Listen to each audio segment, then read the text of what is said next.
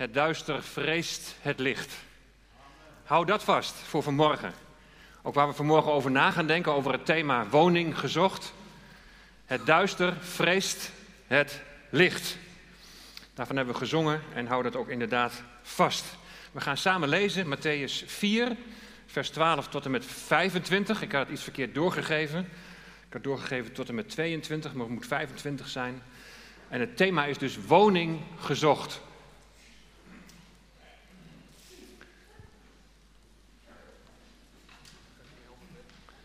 Ja, is er nog ergens een glaasje water misschien? Oh ja, dankjewel.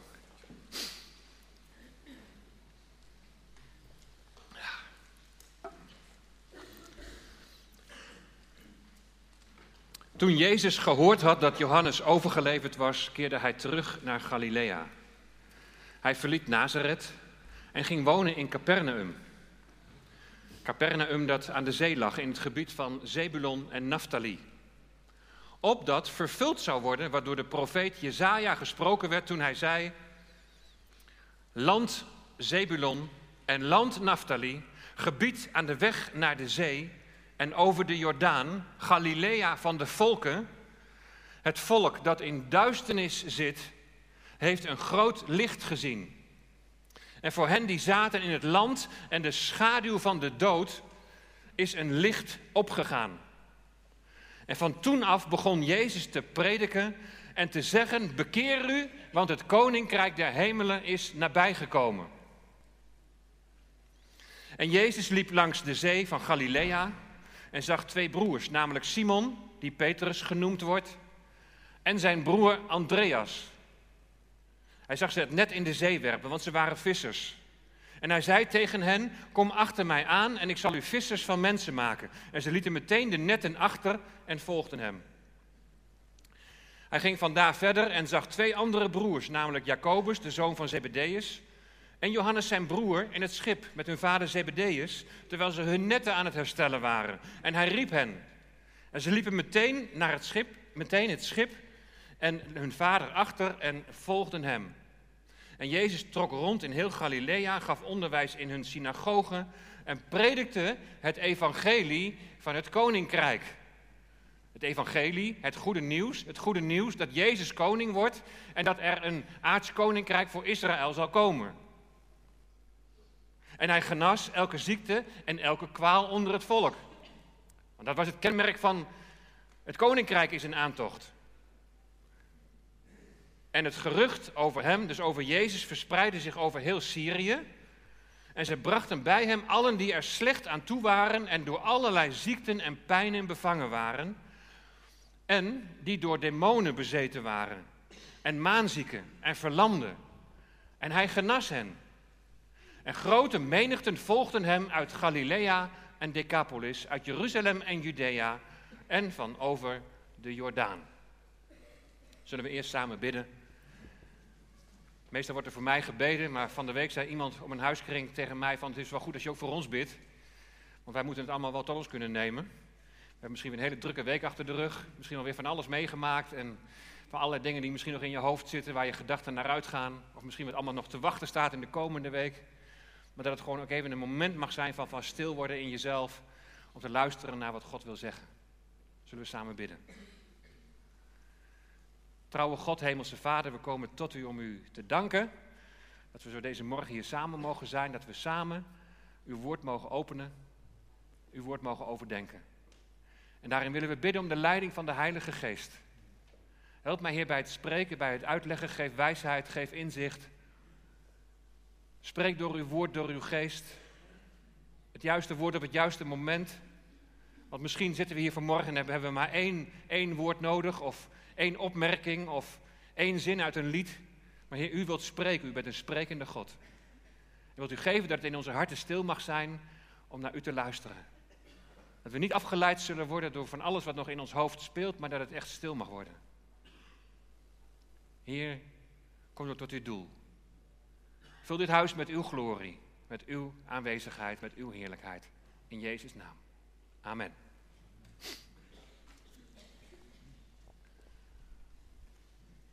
Op naar het Malieveld in Den Haag. Ja? Nou ja, er zijn nogal wat probleempjes eh, in ons kikkerlandje. En een van die problemen is woningsschaarste. Steeds meer mensen zijn op zoek naar een woning. En aangezien door de huidige stikstofcrisis bouwprojecten worden stilgelegd, wordt het alleen maar erger. Kortom, woning gezocht. Heel actueel. Nou, laten we hier eerst eens naar kijken vanuit Gods perspectief. Hij heeft steeds weer een plaats uitgezocht om hier op aarde te wonen. En dan begon allereerst bij de Hof van Eden, die omheinde tuin waar God woonde. Toen het volk onderweg was door de woestijn, toen woonde God in de tabernakel. En toen het volk in het land was, toen bouwde Salomo de tempel. En in de tempel, daar was God aanwezig. Hij zoekt een woonplaats hier op aarde. En nu in onze tijd is God op zoek naar woningen. In die zin dat Hij door zijn geest in ons wil komen wonen. God zoekt woning. Hij zoekt woning in ons.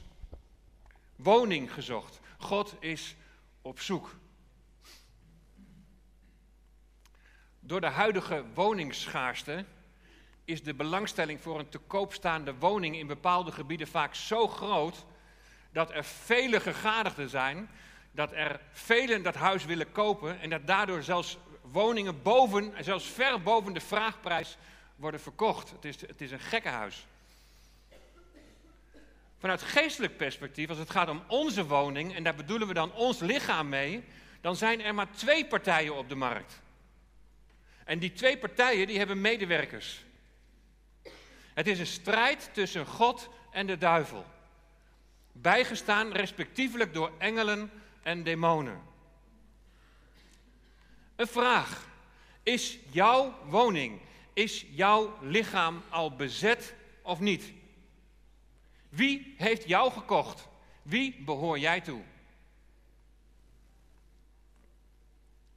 Wat zou het mooi zijn als er woningsschaarste zou zijn in die zin dat de meeste woningen al bezet zijn door de Heilige Geest. En dat er woningsschaarste is voor de duivel en zijn trawanten. Maar helaas is dat niet de werkelijkheid. In geestelijk opzicht is er geen, geen woningsschaarste, maar staan juist heel veel woningen staan leeg. Mensen wiens leven leeg is.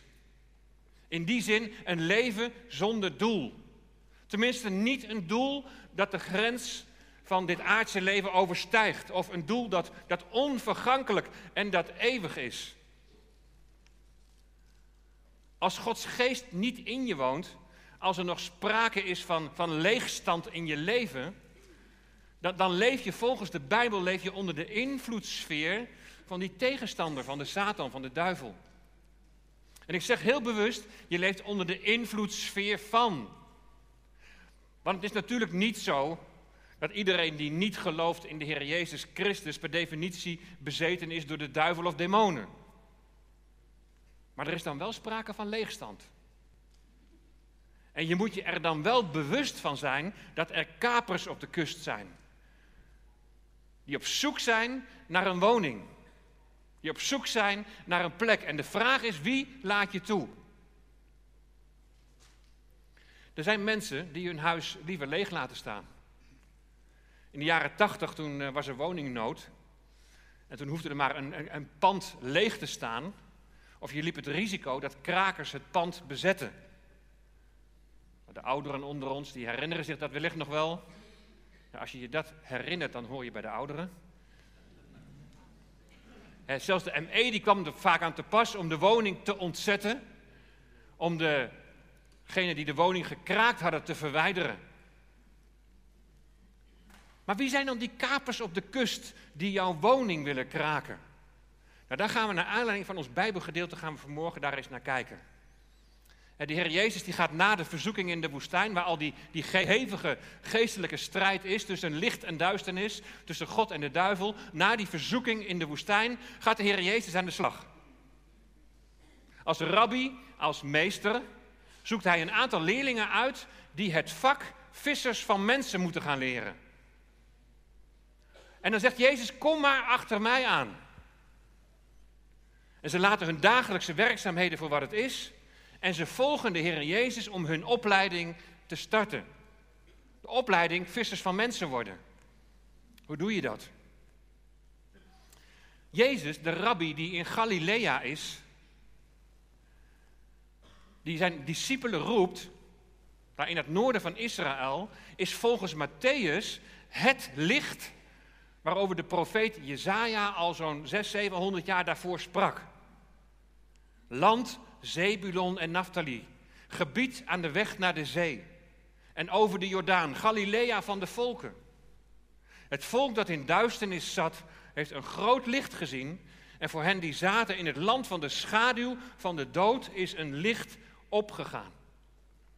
Nou, het licht dat opgegaan is, dat is duidelijk. Dat is de Heer Jezus. En hij is aanwezig op dat moment in het duistere Galilea. Want als je in Jezaja verder gaat of terug gaat lezen van wat is dan precies die duisternis, dan lees je een paar versen daarvoor dat de profeet de vraag stelt of ze voor de levenden de doden moeten raadplegen. Er zijn in de tijd van Jezaja zijn er mensen die het volk oproepen om de geesten van doden te raadplegen en waarzeggers met hun gelispel en geprevel, zo staat het er. Dat is de duisternis waar het volk zich in bevindt. Ze houden zich bezig met het occulte. Occult betekent je bezighouden met iets dat alleen bekend is bij ingewijden. Je bent ingewijd in de werken van de duisternis. Je bent ingewijd in de duivelse praktijken van de duivel en zijn demonen. En dat had niet alleen betrekking op die tijd van Jezaja, maar ook op de periode toen de Heer Jezus hier op aarde was, toen hij rondwandelde in Galilea. In de periode namelijk tussen het Oude Testament en het Nieuwe Testament, dat noemen we de Hellenistische periode, de Griekse overheersing, voorafgaand aan het Romeinse Rijk, dus die Griekse overheersing, was in aanloop naar de komst van de Heer Jezus, was magie was een veelbeproefde methode voor het manipuleren van goede en kwade geesten, om mensen te helpen en te beschermen, maar ook om anderen onheil aan te doen. En er waren veel Grieks sprekenden in Galilea die in deze cultuur leefden. En in diezelfde periode was in de Joodse traditie enorme aandacht voor engelen als goede en demonen als kwade machten en de Satan als hun aanvoerder. Het volk dat in duisternis wandelt.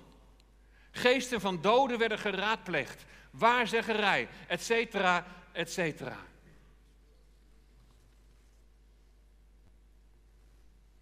Toen ik nog thuis woonde bij mijn ouders, toen kwam een buurjongen die kwam enthousiast vertellen dat hij op school mee had gedaan met glaasje draaien.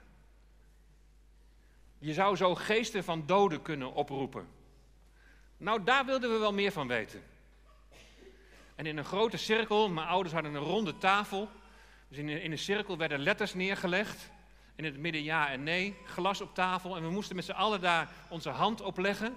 En dan vragen of daar een geest in zou willen komen. Dus spannend.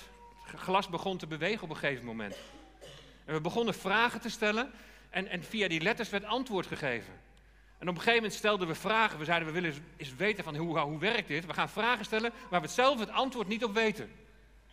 En toen kregen we het antwoord, hebben we daarna hebben we dat antwoord opgezocht. En het antwoord klopte. Mijn zus, die werd er helemaal naar van. Die, die ging op een gegeven moment op de bank liggen. Maar die wist daar precies wat er aan tafel gebeurde. Zij wist al welke antwoorden er gegeven zouden worden. En, en zo zie je, in, in, zo'n voorbeeld zie je Jezaja 8, vers 19 zie je samenkomen. Het raadplegen van doden en waarzeggerij. Het volk dat in duisternis wandelt. Dus niemand hoeft mij te overtuigen dat een geestelijke wereld waar strijd is tussen licht en duisternis, God en de duivel, dat dat wel terdege realiteit is. Een volk dat in duisternis wandelt. En dat is vandaag de dag niet anders. Neem nou Halloween, 31 oktober. Halloween is afkomstig van het Keltische oogstfeest Samhain. Het is het feest van de doden. En de Kelten in Ierland, de Kelten die dachten dat op die dag de grens tussen de wereld en de bovennatuurlijke wereld zo dun was dat bovennatuurlijke wezens, geesten en de zielen van doden de aarde bezochten. En dan legde men eten en drinken voor de deur om de overleden zielen en geesten gunstig te stemmen, zodat zij het huis en de bewoners met rust zouden laten. En door lantaarns met uitgeholde pompoenen, met monsterlijke gezichten te dragen en door je te verkleden, moet je je vereenzelvigen met die geesten en die overleden zielen om je zo tegen hen te beschermen. Niks een onschuldig verkleedpartijtje. Hou je er verre van. Bescherm je kinderen ervoor. En je wordt ingewijd in een wereld waar je je kinderen niet wilt hebben. Waar je zelf niet wilt zijn. Een demonisch feest. En we zien dat daar gebruiken van over zijn genomen, zelfs in de katholieke kerk. Met alle zielen en alle heiligen. Dat komt hier vandaan. Want in de Kelten die kwamen tot bekering, die werden katholiek, maar die namen nog oude gebruiken weer mee. Er zijn kapers op de kust. Er zijn demonen. En dat was ook al in de tijd van Jezus. Hier op aarde was dat de overtuiging. Er zijn demonen die jouw woning willen kraken. De leerlingen volgen de rabbi. Ze kijken naar wat hij zegt en ze kijken naar wat hij doet. En dat doen we vanmorgen ook. Jezus drijft onder andere dus demonen uit. Het feit dat hij uitdrijft betekent dus dat demonen in mensen kunnen wonen, of in ieder geval mensen kunnen beïnvloeden. En in Matthäus 12, vers 28, daar staat dat de Heer Jezus dat uitdrijven doet door de kracht van de Heilige Geest. De discipelen die krijgen later nadat ze bij Jezus in de leer zijn geweest en eerst geluisterd hebben en gekeken hebben, krijgen ze later ook macht en gezag om datzelfde te doen. Maar vanmorgen beperk ik me tot de macht en het gezag van de Heer Jezus. Wat Hij spreekt en wat Hij doet. Jezus zegt immers, kom achter mij aan. Hoor naar mij, luister naar mij en kijk wat ik doe. En waarom zo voorzichtig? Waarom eerst alleen maar luisteren? En waarom eerst alleen maar kijken naar wat de Heer Jezus daarin doet? Nou, geestelijke strijd is realiteit. En onderdeel van die geestelijke strijd is een wirwar van, van leringen over wat bezetenheid en geestelijke bindingen nou inhoudt en hoe bevrijding zou moeten plaatsvinden. En er wordt van alles soms, soms zomaar geroepen over boze geesten en demonen. En dan zijn er uitersten. Er zijn mensen die achter elke boom een demon zien. Die alle menselijke beperking als bewerkt door een boze geest zien. En in het andere uiterste zijn mensen die het werk van de duisternis en haar verwoestende invloed wegwimpelen als een fabeltje. Daarom vanmorgen stap 1. Wat zegt Jezus? Wat doet Hij? Nou, als ik leerling van Jezus zou zijn in die tijd, dan zou mijn eerste vraag zijn: wat is eigenlijk een demon? Met wie hebben we eigenlijk te maken? Kun je vanuit de Bijbel vertellen wat een demon is? Wees je er goed van bewust, ook de, de, taalgebruik. Soms hoor ik dan wel uh, iemand zeggen van hij heeft een geest van. Bijbels gezien betekent dat dan hij heeft een demon van. Dus weet wel wat je, wat, wat je zegt. Wat is eigenlijk een demon? Toch wel belangrijk om daar iets meer op over te weten. Van met wie hebben we nou eigenlijk te maken? Wie heeft belangstelling voor jouw woning? Nou, als je hier iets meer over gewaar wil worden, dan moet je terug naar het begin van de Bijbel, naar Genesis 6. En daar gebeurt voor de zondvloed gebeurt daar iets vreemds. Iets wat ook aanleiding is voor de zondvloed. Daar staat namelijk dat Gods zonen, en dat zijn engelen, dat zij dochters van de mensen zagen. En ze zagen dat ze mooi waren. En ze kozen vrouwen uit. En namen die vrouwen tot zich. En die engelen, die hebben dan seksuele gemeenschap met deze vrouwen. En vervolgens baren die vrouwen, die baren kinderen voor die engelen. En die kinderen worden dan geweldenaars genoemd. Het zijn de zogenaamde gibbers. Dat zijn krijgers die, die vermogend en die invloedrijk zijn. Dat is de vertaling van dat woord. Die worden geboren. Het was een geslacht van reuzen. Half engel, half mens. Nou, dan weet je nog niet wat demonen zijn. Maar zowel Petrus als Judas die schrijven in het Nieuwe Testament over wat er in Genesis 6 gebeurt. En allebei schrijven hierover, over deze gebeurtenis, in een context dat het volk in duisternis wandelt. Dat er dwaaleraars zijn die de genade van God misbruiken voor een losbandig leven. Een losbandig leven dat gekenmerkt wordt door onreine begeerten, door overspel, et cetera, et cetera.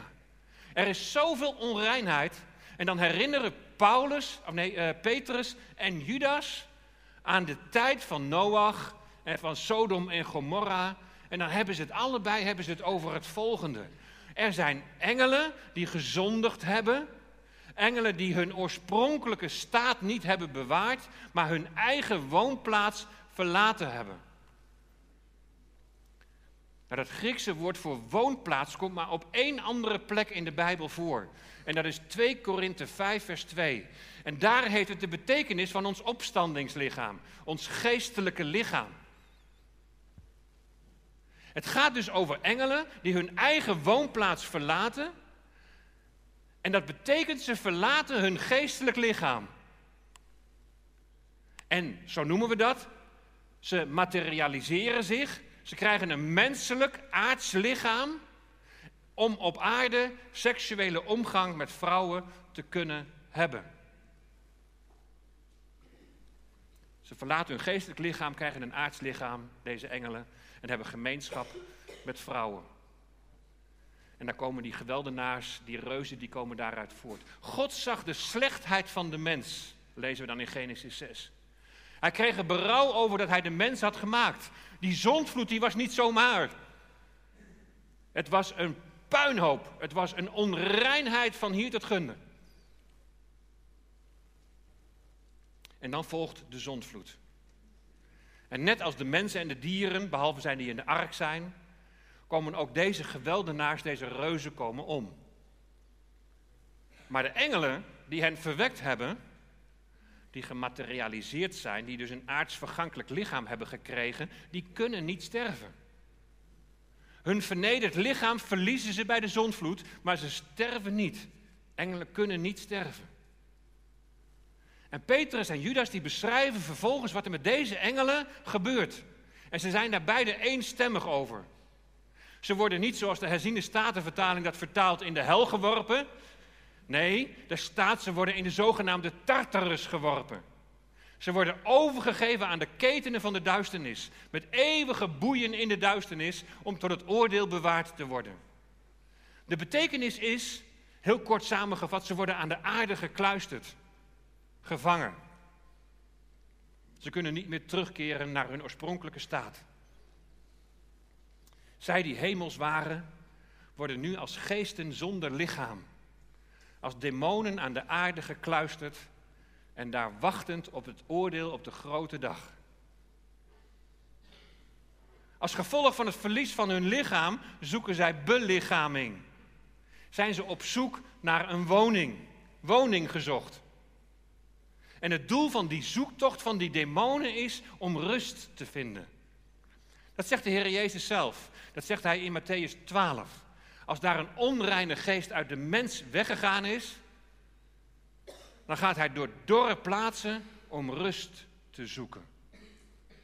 Maar hij vindt die rust niet. En dan heeft hij de neiging om weer terug te gaan naar die woning waar hij vandaan kwam. En die is misschien inmiddels wel schoongemaakt en gereinigd. Maar is daar al een bewoner voor in de plaats gekomen? Is daar de Heilige Geest al voor in de plaats gekomen? Zo niet, dan heb je nog de kans dat hij met zeven tegelijk terugkomt, kun je daar lezen. Nou, nu naar de praktijk. De eerste vraag is: staat de deur van jouw woning open? En deze vraag die stel ik aan de gelovigen. Want als het gaat om de ongelovigen, dan staat de deur staat sowieso open. Want wat bij ons de deur gesloten houdt, is de Heilige Geest, door wie je verzegeld bent. Dat is een bescherming. Maar let op, je bent niet gevrijwaard van aanvallen. Je moet de duivel en zijn trawanten weerstaan. Dat is bijbels. Dat doe je, zegt Jacobus, door je aan God te onderwerpen. Weersta hem in het geloof, zegt Petrus. Kijk, als je helemaal geen problemen met hem zou hebben, dan zouden deze waarschuwingen er niet staan. Weersta hem in het geloof, zegt Petrus. Geloof staat voor je relatie met de Heer Jezus Christus. Blijf in hem, heb je vorige week gehoord. Dat betekent, hou de deur gesloten door op de Heer Jezus te vertrouwen en Hem te gehoorzamen. Maar stel nu dat je de deur openzet, zoals ik dat vroeger heb gedaan. Als je een inboedelverzekering hebt voor je huis en er worden dingen gestolen terwijl je de deur open hebt laten staan, dan ben je niet verzekerd. Als gelovige kun je de deur openzetten met alle gevolgen van dien. En daar wordt er van alles weggeroofd.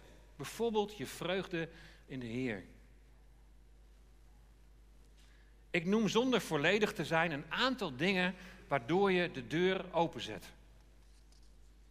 En het zijn voorbeelden die in relatie staan tot wat ik al gezegd heb over de situatie in Galilea en Jezaja 8 en Genesis 6. Het is lang niet volledig, maar zo even een paar in relatie tot die Bijbelgedeelte. In Leviticus 19 en Deuteronomium 18, daar wordt gewaarschuwd voor waarzeggerij. En als tweede toverij. En dan zul je denken, ja, wat is dat? Wat moet ik me voorstellen? Niet met zo'n stafje of zo. Nee, toverij is bijvoorbeeld geestelijke manipulatie. Paulus die noemt de valse leer bij de Galaten, noemt hij ook toverij. En Judaïsten, die brengen mensen die in de vrijheid staan, die brengen ze weer onder het juk van de wet. We hebben daar zelf een situatie in meegemaakt dat iemand daar zo gebukt onder ging, dat daar een bevrijding moest plaatsvinden. Wisten we van tevoren helemaal niet, maar op die avond gebeurde het door gebed en door gewoon met elkaar God te zoeken. Toen werd het duidelijk. Dat betekent niet dat iedereen die onder, die onder dat juk leeft ook een demon heeft. Maar wees je ervan bewust, toverij. Maar ook genoemd wordt het raadplegen van doden of waarzeggende geesten. Ik heb het voorbeeld genoemd.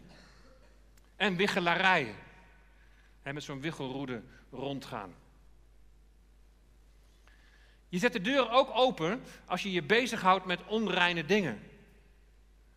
Demonie wordt vaak in verband gebracht met onreinheid.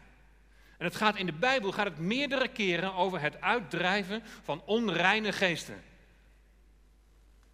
Nou, we hebben het in Genesis 6 gezien dat het daar gaat over seksuele gemeenschap buiten de orde die God heeft aangebracht. De orde die bepaalt dat seksualiteit binnen het huwelijk van één man en één vrouw hoort. Nou, wij leven in een pornocultuur, in een tijd van vrije seks. Maar door seksualiteit word je één lichaam met iemand. Zo zegt de Bijbel dat ook. Je wordt één lichaam met diegene. Je raakt emotioneel en geestelijk verbonden met die ander. Denk je dat die band dat die zomaar weg is als je seks hebt met weer een ander? Er ontstaan allerlei banden door, door elkaar heen die je verstrikken, die je vasthouden. Het is dan niet gegarandeerd dat dan een demon woning in je maakt. Maar je zet de deur wel open voor beïnvloeding. En het gevolg is dat je steeds verder van God afdwaalt. Wanneer is er dan sprake van een demon? Nou, het valt me bij Jezus op als hij demonen uitdrijft, dat het voor hem vaststaat dat hij met een demon te maken heeft. Hij ziet extreem onrein gedrag. Of de plaats waar mensen verblijven, een dorre plaatsen, spelonken, duisternis. En, en mensen die bovennatuurlijke kracht vertonen, die niet normaal is. Allemaal kenmerken van het werk van een demon. En als die overtuiging er is, gebiedt Jezus in de kracht van de Heilige Geest dat die demon of die demonen moeten uitgaan. De Heilige Geest openbaart en laat zien of er sprake is van een demon. En de Heilige Geest geeft geestelijk onderscheidingsvermogen. En het is Jezus die door de kracht van de Geest bevrijdt. En de wijze waarop hij uitdrijft is steeds weer verschillend. Daar is ook niet één methode voor. De ene keer drijft hij uit zonder in de nabijheid te zijn. De andere keren dan, dan spreekt hij demonen direct aan. En weer op andere momenten dan legt hij de handen op. Heel verschillend. Er is geen vastgestelde methode. Waarom niet? Jezus laat zich leiden door de Heilige Geest. Nog een paar belangrijke opmerkingen over het vaststellen of er sprake is van demonische invloed. Als het om gelovigen gaat, dan is de discussie of demonen inwoning kunnen maken of dat je moet spreken over beïnvloeding. Nou, mijn voorkeur heeft het laatste, maar los van de juiste terminologie wijst de praktijk uit dat ook al is er alleen maar sprake van beïnvloeding, of alleen maar, al is er sprake van beïnvloeding, dat die beïnvloeding van de gelovigen zo hevig kan zijn en tot zo hevige knellende banden kan leiden, dat bevrijding nodig is.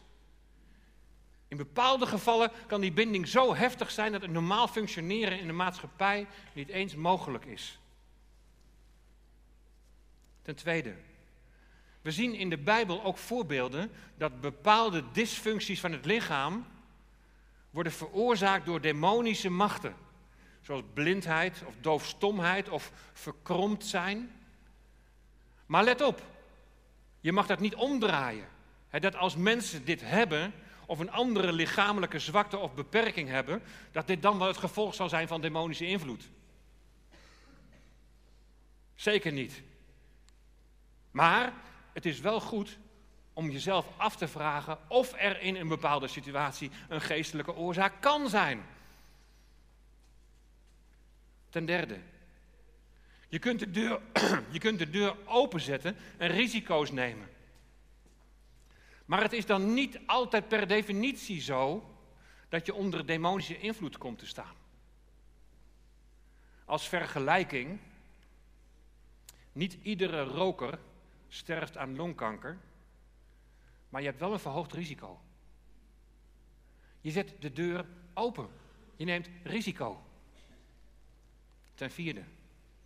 Er is een grijs gebied waar het lastig is om vast te stellen of het gaat om puur psychische ziekten of demonische invloed of, of is er overlap.